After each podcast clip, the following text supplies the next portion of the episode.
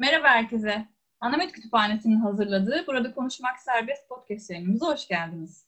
E, toplamda 5 kütüphanecilik konulu olarak da 3. yayınımızı yapıyoruz.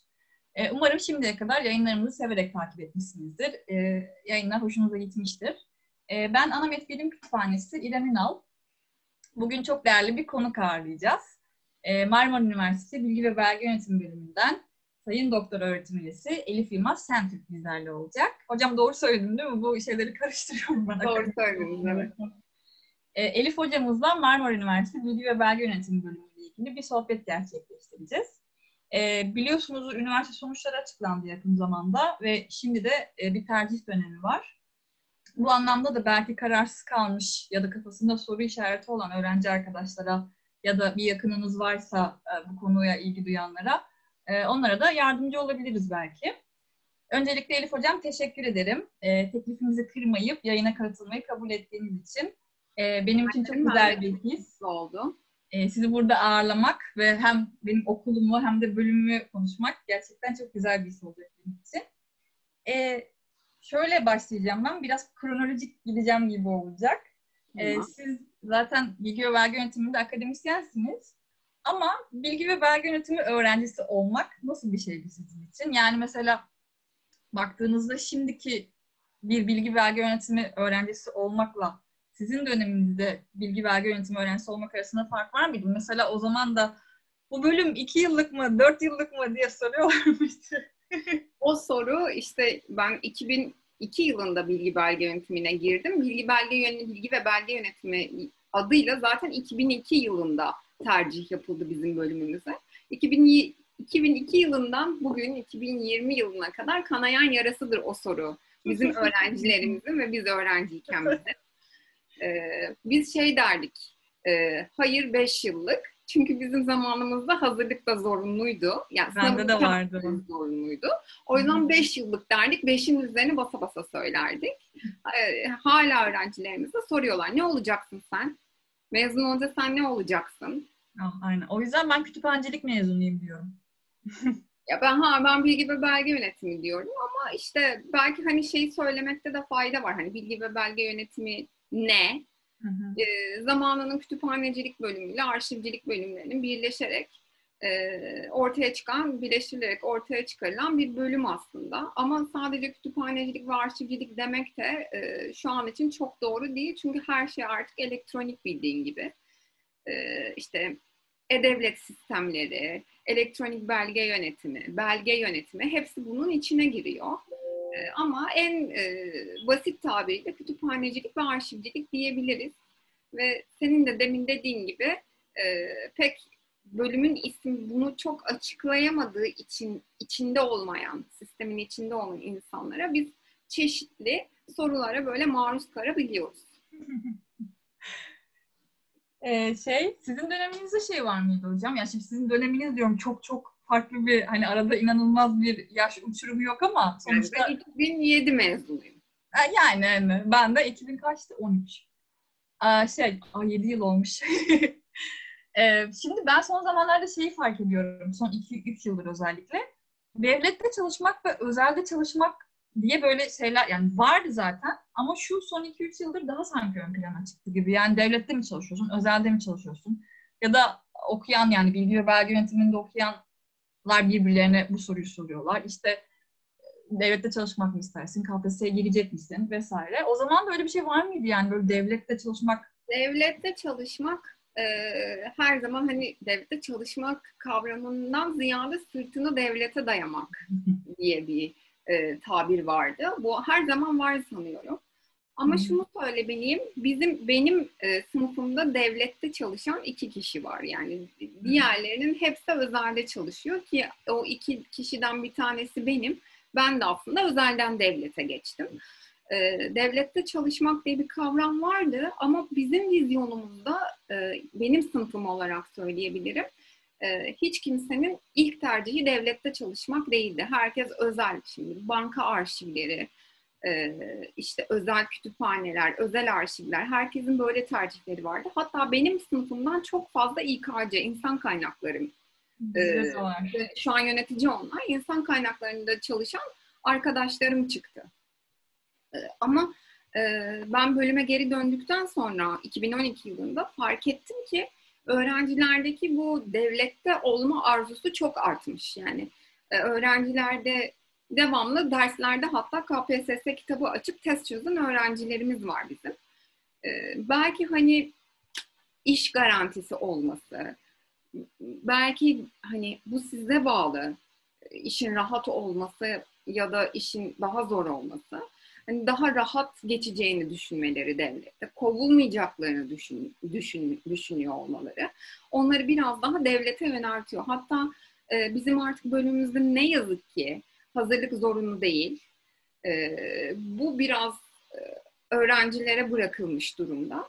Kayıt zamanında öğrencilere soruyorlar. Siz hazırlık okuyacak mısınız? Okumak istiyor musunuz? De istiyoruz diyenler sınava tabi tutuyorlar, tutuluyor e, ve çoğunluğu hazırlık okuyor isteyenleri.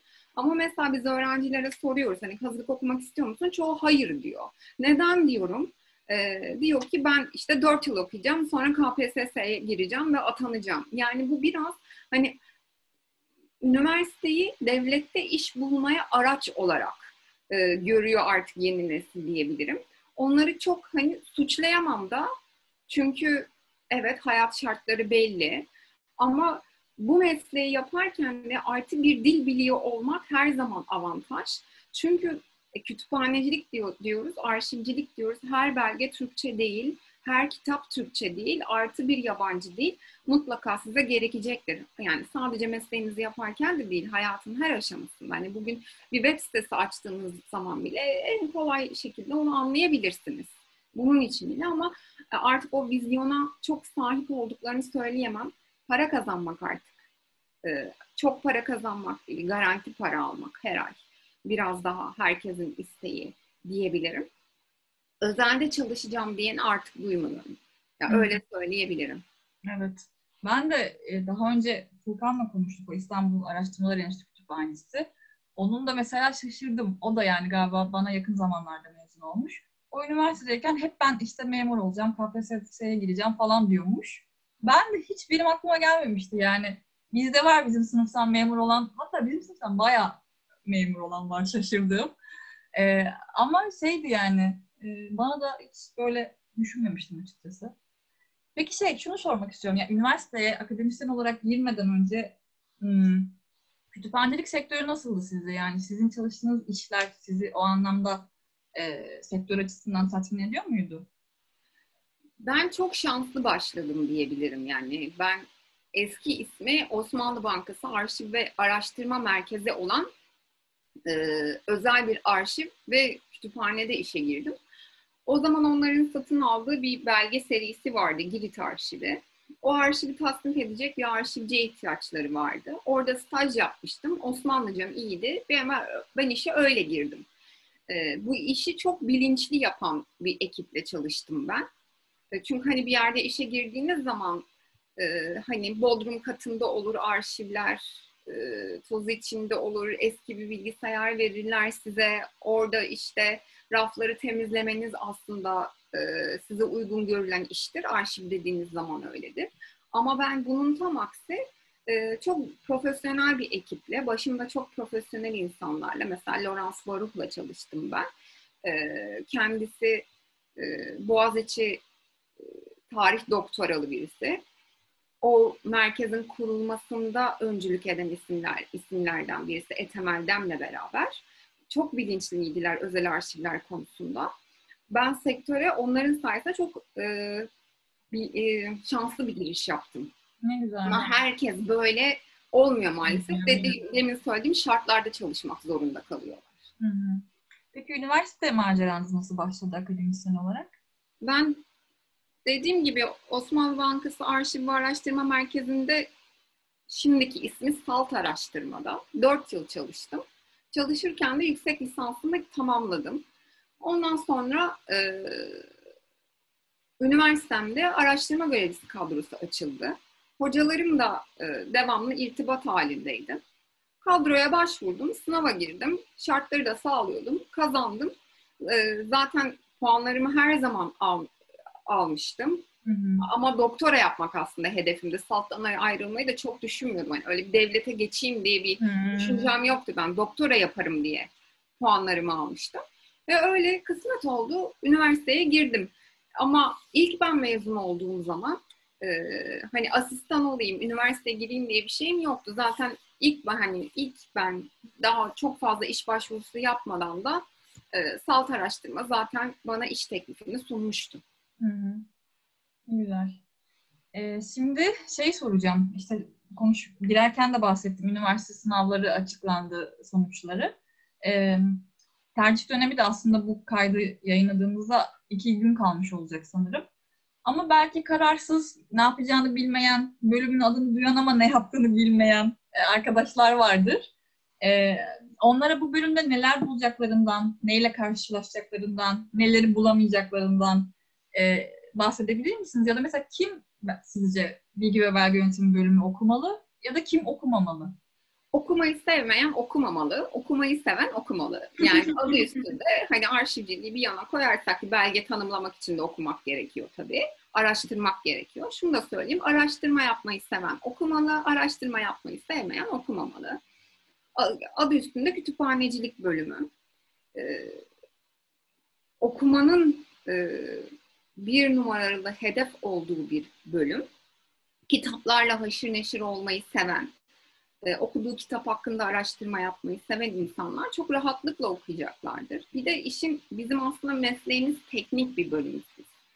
E, işte kitap sen de yaptığın iş kitap katalog kataloglamaktan tut işte belge kataloglamak bunlar aslında teknik işler. Hı hı. Ama e, elinizdeki belgenin sadece içeriğiyle ilgili ya da kitabın sadece kapağında yazanları yazmıyorsunuz işte ona nasıl ulaşılacağını ya da onu nasıl başka şekillerde insanların erişebileceğini e, düşünüp araştırma da yapıyorsunuz ve kataloglarınıza bunları da yazıyorsunuz. O yüzden sadece bir kitap e, bir süre içerisinde bir dakikada kataloglanır gibi görünüyor ama bazen bir kitap bir insanın bir gününü hatta bir haftasını alabilir. O yüzden biraz sabır işi de kütüphanecilik. Ha, ben masa başında oturup oturup iş yapmak istiyorum diyen de seçmişsin. Çünkü kitapları katalogladıktan sonra raflara da dizeceksiniz. Siz aslında bütün bir işi yapacaksınız yani. Hem fiziki bir işiniz var, hem akademik bir işiniz var, hem teknik bir işiniz var ve hiç ölmeyen bir işiniz var. Her işi baştan sona aynı metotla uygulamanız ve insanların onlara nasıl ulaşacağını e, düşünmeniz, ona biraz kafa yormanız lazım. O yüzden demin söylediğim gibi okumayı seven, araştırmayı seven, yeni şeyler öğrenmeyi seven, sadece mezun olduğu bilgiyle kalma, kalmayı istemeyen, bununla yetinmeyecek insanlar seçmeni. Peki şey, ben daha bölüme girmeden kafamda şey vardı. Ay bu bölümde Erasmus var mı? İşte dersler amfide mi oluyor? E, derslere profesörler mi giriyor? Böyle hani çok şey heyecanlı sorulara sahip olan öğrenciler de vardır. Mesela Erasmus var mı bölümde hocam? Ya da mesela e, çift ana dal, yan dal bu olanaklar bulunuyor mu? Ben cevabını biliyorum ama yine de sizden duymak. Bölümde hepsi var. Öyle Bölümde hepsi mevcut. Şunu da söyleyeyim. Ee, eğer e, bir bölüm seçeceklerse ve bu imkan yoksa, Erasmus imkanı yoksa bu onları durdurmasın. Çünkü Erasmus aslında iki program. Erasmus'un ilk programı öğrenim hareketi. Gidip bölümünüzün ikili anlaşması oluyor başka bir üniversiteyle. Gidip o üniversitede yarım döneminizi ya da e, yarım dönem ya da iki dönem ya bir dönem pardon ya da iki dönem okuyor oluyorsunuz. Diyelim ki bölümünüzün anlaşması yok yurt dışında bir üniversiteyle. O zaman kendiniz e, istediğiniz üniversiteyle başvuruyorsunuz diyorsunuz ama staj hareketliliği bunun adı. Ben size staj yapmak istiyorum. Kabul mektubunuzla Erasmus ofise gidiyorsunuz. Bir de sınava giriyorsunuz tabii dil sınavına. Onu da geçerseniz büyük olasılıkla işte şartları sağlamanız durumunda Erasmus'a gidebiliyorsunuz. Hani bu çok bu ikinci söylediğim çok bölümle alakalı bir durum değil. Yani ikili anlaşma istemiyor. O sizi durdurmasın. Ama ilki öğrenim görmek istiyorsanız bir döneminizi ya da iki döneminizi orada geçirmek istiyorsanız e, ve bizim bölümde böyle bir olanak olup olmadığını soruyorsanız evet o da var bizde. Hı Çift ana dal, yan dal iki, o ikisini de e, bölümümüz sağlıyor ama tabii bunlar biraz size bağlı, sizinle alakalı not ortalaması istiyorlar. Zannediyorum üçün üzerinde ortalama olması gerekiyor ikisi içinde, yan dal içinde, çift ana dal içinde. çift alan için biraz daha yüksek olabilir. Onun tabii şeyden yönetmeliklerden falan bakmak lazım ama üçün üstünde ortalama istediğini biliyorum. Bir şey daha sordun var mı diye. Oh komik bir soruydu. Amfi var mı? Amfi var? Amfi var ama bizim amfilerimiz sınıf amfi yani çok böyle e, filmlerde gördüğünüz fakültesi amfileri gibi 400 öğrenciyi sığdırdığımız bir amfi değil ama sınıf amfi işte bir 100 öğrenci falan sığabilecek bir amfi. Anılar canlandı. Korona şartlarında zaten o 100 kişilik amfiye herhalde en fazla 20 kişi e, sığdırabileceğiz gibi görünüyor. Ama evet amfimiz var. iki tane orta boy amfimiz var. Gayet işe yarar. evet. Peki şey- Özellikle sınav dönemlerinde diğer iki amfimiz var. Şey, çift dal ve yan dal tarih ve edebiyatta mıydı hocam? Artık çoğunda yapılabiliyor. Ha, ha bizim de zamanında yapılıyor, sosyolojide yapılıyor. Çok iyiymiş. Hatta sağlıkta yapan vardı. Çok iyiymiş. Ben çünkü bizim öğrenciliğimizde şey e, Türk Dili ve Edebiyatı ve tarihte oluyordu sadece. Arttır arttır ısınıyor artık. ben sanat tarihinde yapanı biliyorum. Sağlık, İyi. sağlık yönetiminde falan yapanı biliyorum. Hı-hı. Gayet iyiymiş.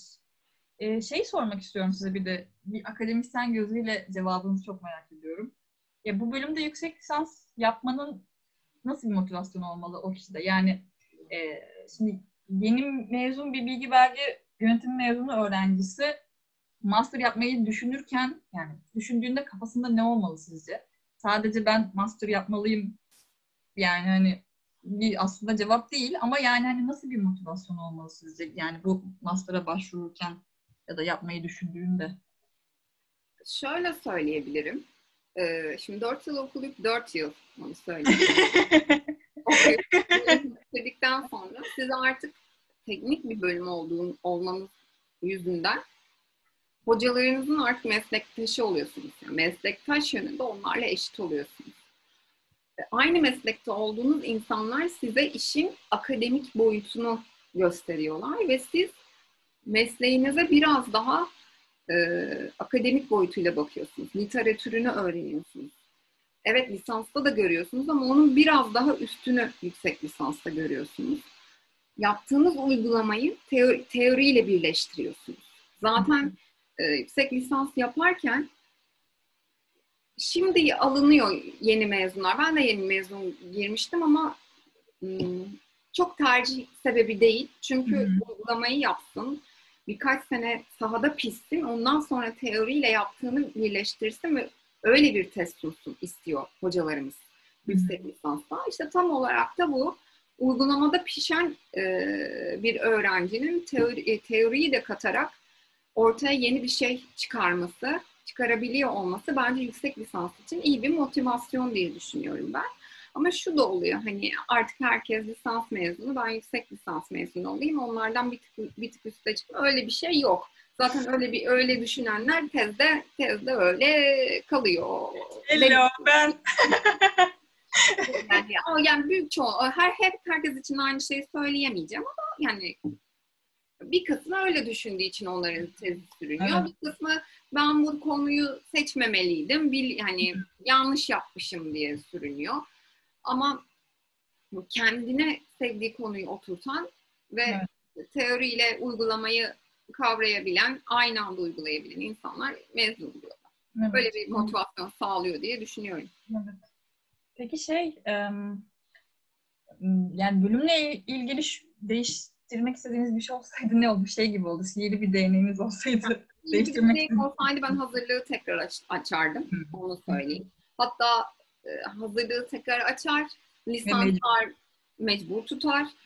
E, ha, lisansta da seçmeli derslerde bir yabancı dil daha koyardım. Hı.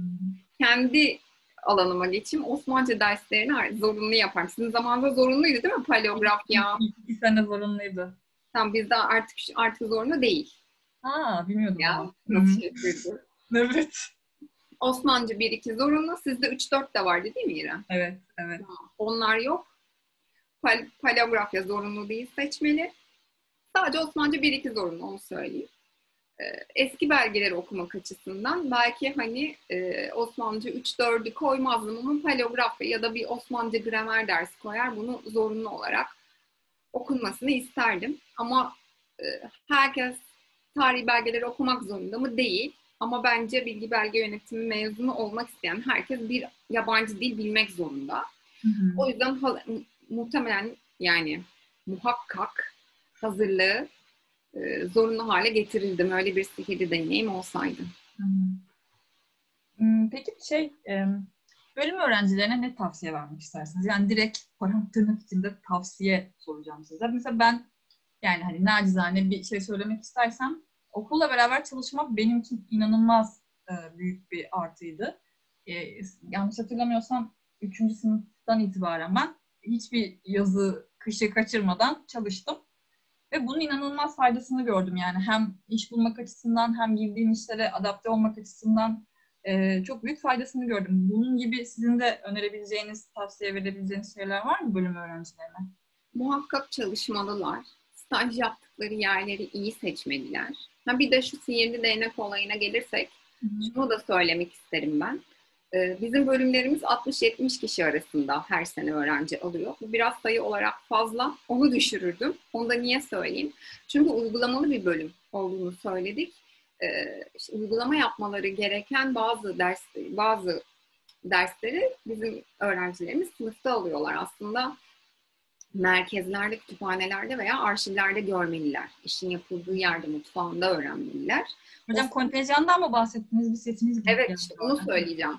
Ee, mesela bir dersi muhakkak bir kütüphanede veya arşivde işlemek lazım. O işi yaptırmak lazım öğrenci. Ama çok fazla öğrenciniz olduğu için o öğrencileri arşivde ya da kütüphanede aynı anda ders olarak sokamıyorsunuz. Yani öyle bir şey yapamıyorsunuz.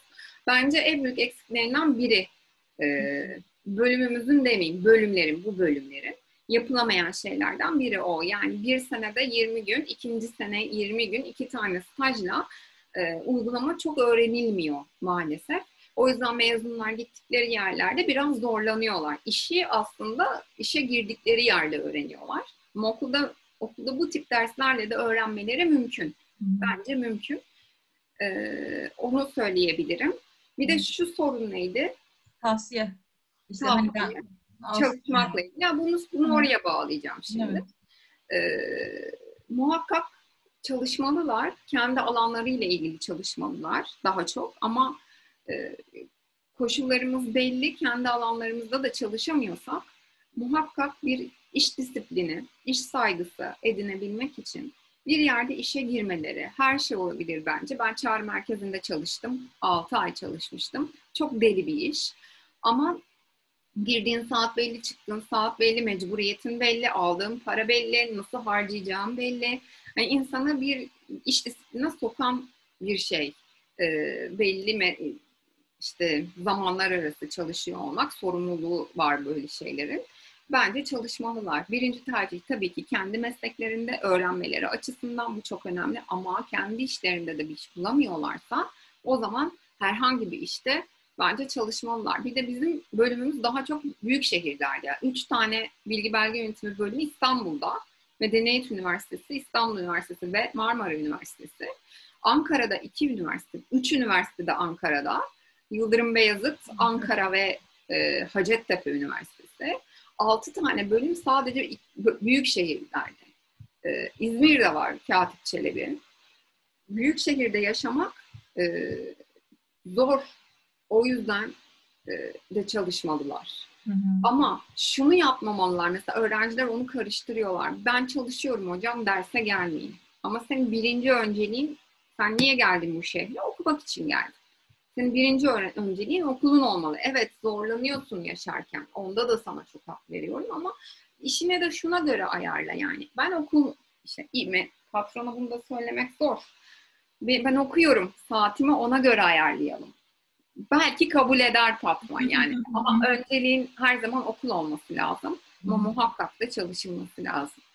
Sadece maddi yönler seni zorluyorsa da değil ya. Zorlamıyorsa da çalışman lazım. İşte o disiplini kazanmak için. Evet bence de.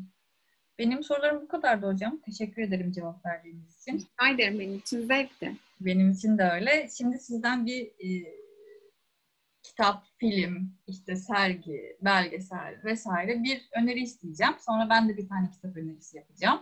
bunu artık böyle bir klasikleştirdik her konuğumuza soruyoruz. Sizden de duymak güzel olur. Söyleyeyim hemen. Son izlediğim filmi önerebilirim. Deli ve Dahi. E, the Professor and the Madman e, diye bir film. Bu filmde Oxford sözlüğün nasıl meydana geldiği anlatılıyor. Bir profesör var, Moray. Oxford sözlüğü e, derlemeye başlayan e, denetim kurumunu yöneten ünlü bir profesör. Sir hatta ünvanı da. Onun e, işte A harfinden başlayarak 14. yüzyıldan itibaren yanlışım da olabilir, daha geriye de gidiyor olabilirler. 14. yüzyıldan itibaren e, İngiltere'de hangi kitaplarda şiir ve her kitapta hangi kelime kullanılmış ve hangi kelime niçin kullanılmış? Oh maşallah.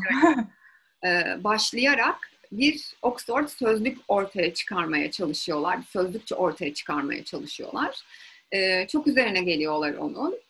Ve kendin e, işin içerisine şeyleri katıyor. İşte bütün bu çalışmayı tek başına ekibiyle yapamayacağını tabii ki düşünerek, kendi kaçırdıklarını başkalarının yakalayabileceğini düşünerek e, bir ilan hazırlıyor. Hani siz de bulun ve bize gönderin diye. Onun bu çağrısına bir deli cevap veriyor. Ama deli bir doktor yani. Deli normal bir deli değil. o da e, şuradan hemen kopya çekeyim. Broadmoor cinayet zanlıları akıl ve ruh sağlığı hastanesinde tedavi görmek isteyen e, isteyen tedavi gören e, bir doktor. Ve bu sözde 10 binden fazla kelime katkıda bulunuyor. Ve bu delinin sözlükte yazdığını e, duyan Oxford'daki yetkililer e, Muray'ı denetim başkanlığından almaya çalışıyorlar. Ama işte gerisini... Neler oluyor, neler oluyor. izlesinler. Şöyle, sözlüğün tamamlanması için ki bir senede yaparız. Ama o öldüğünde san, sanıyorum ki T harfinde bile değiller. Of. Evet. 70 yılda tamamlanıyor. Victoria döneminde başlıyorlar, Elizabeth döneminde bitiyor. İnşallah. Ay çok iyiymiş. Ben de merak ettim. İzleyeceğim. Netflix'te var. Reklam mı oldu? Süper. Yok. tamam. Çok iyiymiş. Bir de benim hani böyle kelimelere, etimolojiye özel bir ilgim var. O yüzden o yüzden benim çok ilgimi çekti. Belki hani size de ilk tavsiye olmuştur. Sağ olun hocam. Tabii ki izleyeceğim ben de merak ettim. Zaten çok heyecanlı anlattınız. Bir film tavsiyesi, yani kitap tavsiyesi de. Çünkü bu The Surgeon of Crowtron diye bir kitaptan uyarlanmış. Hı hı. Bu 98 yılında yayınlanmış ama bu gerçek bir öykü yani. Gerçek biyografi yapımı yani. Hı hı. Teşekkür ederiz. Rica ben de bu çok artık klasikleşen karantina zamanında bayağı kitap okudum artık böyle bir. Normalde okuyamıyordum ama şimdi okuyamaya başladım ilginç bir şekilde. Herkesin ne oluyorsa bana tam tersi oldu zaten bu pandemide. E, okuduklarımdan bir tane bir kitap önereceğim. E, Eduardo, Eduardo Galeano'nun Ve Günler Yürümeye Başladı diye bir kitabı. E, bu kitapta e, Galeano her güne bir hikaye sıkıştırıyor. E, ama bu hikaye daha çok gerçek olaylara dayanıyor. Yani böyle şey gibi hani fal gibi mesela bugün işte e, şey kaç 7 Ağustos 7 Ağustos'ta ne olmuş diye açıyorsunuz ve hani o gün e, o güne dair ne yazmış Galeano okuyabiliyorsunuz.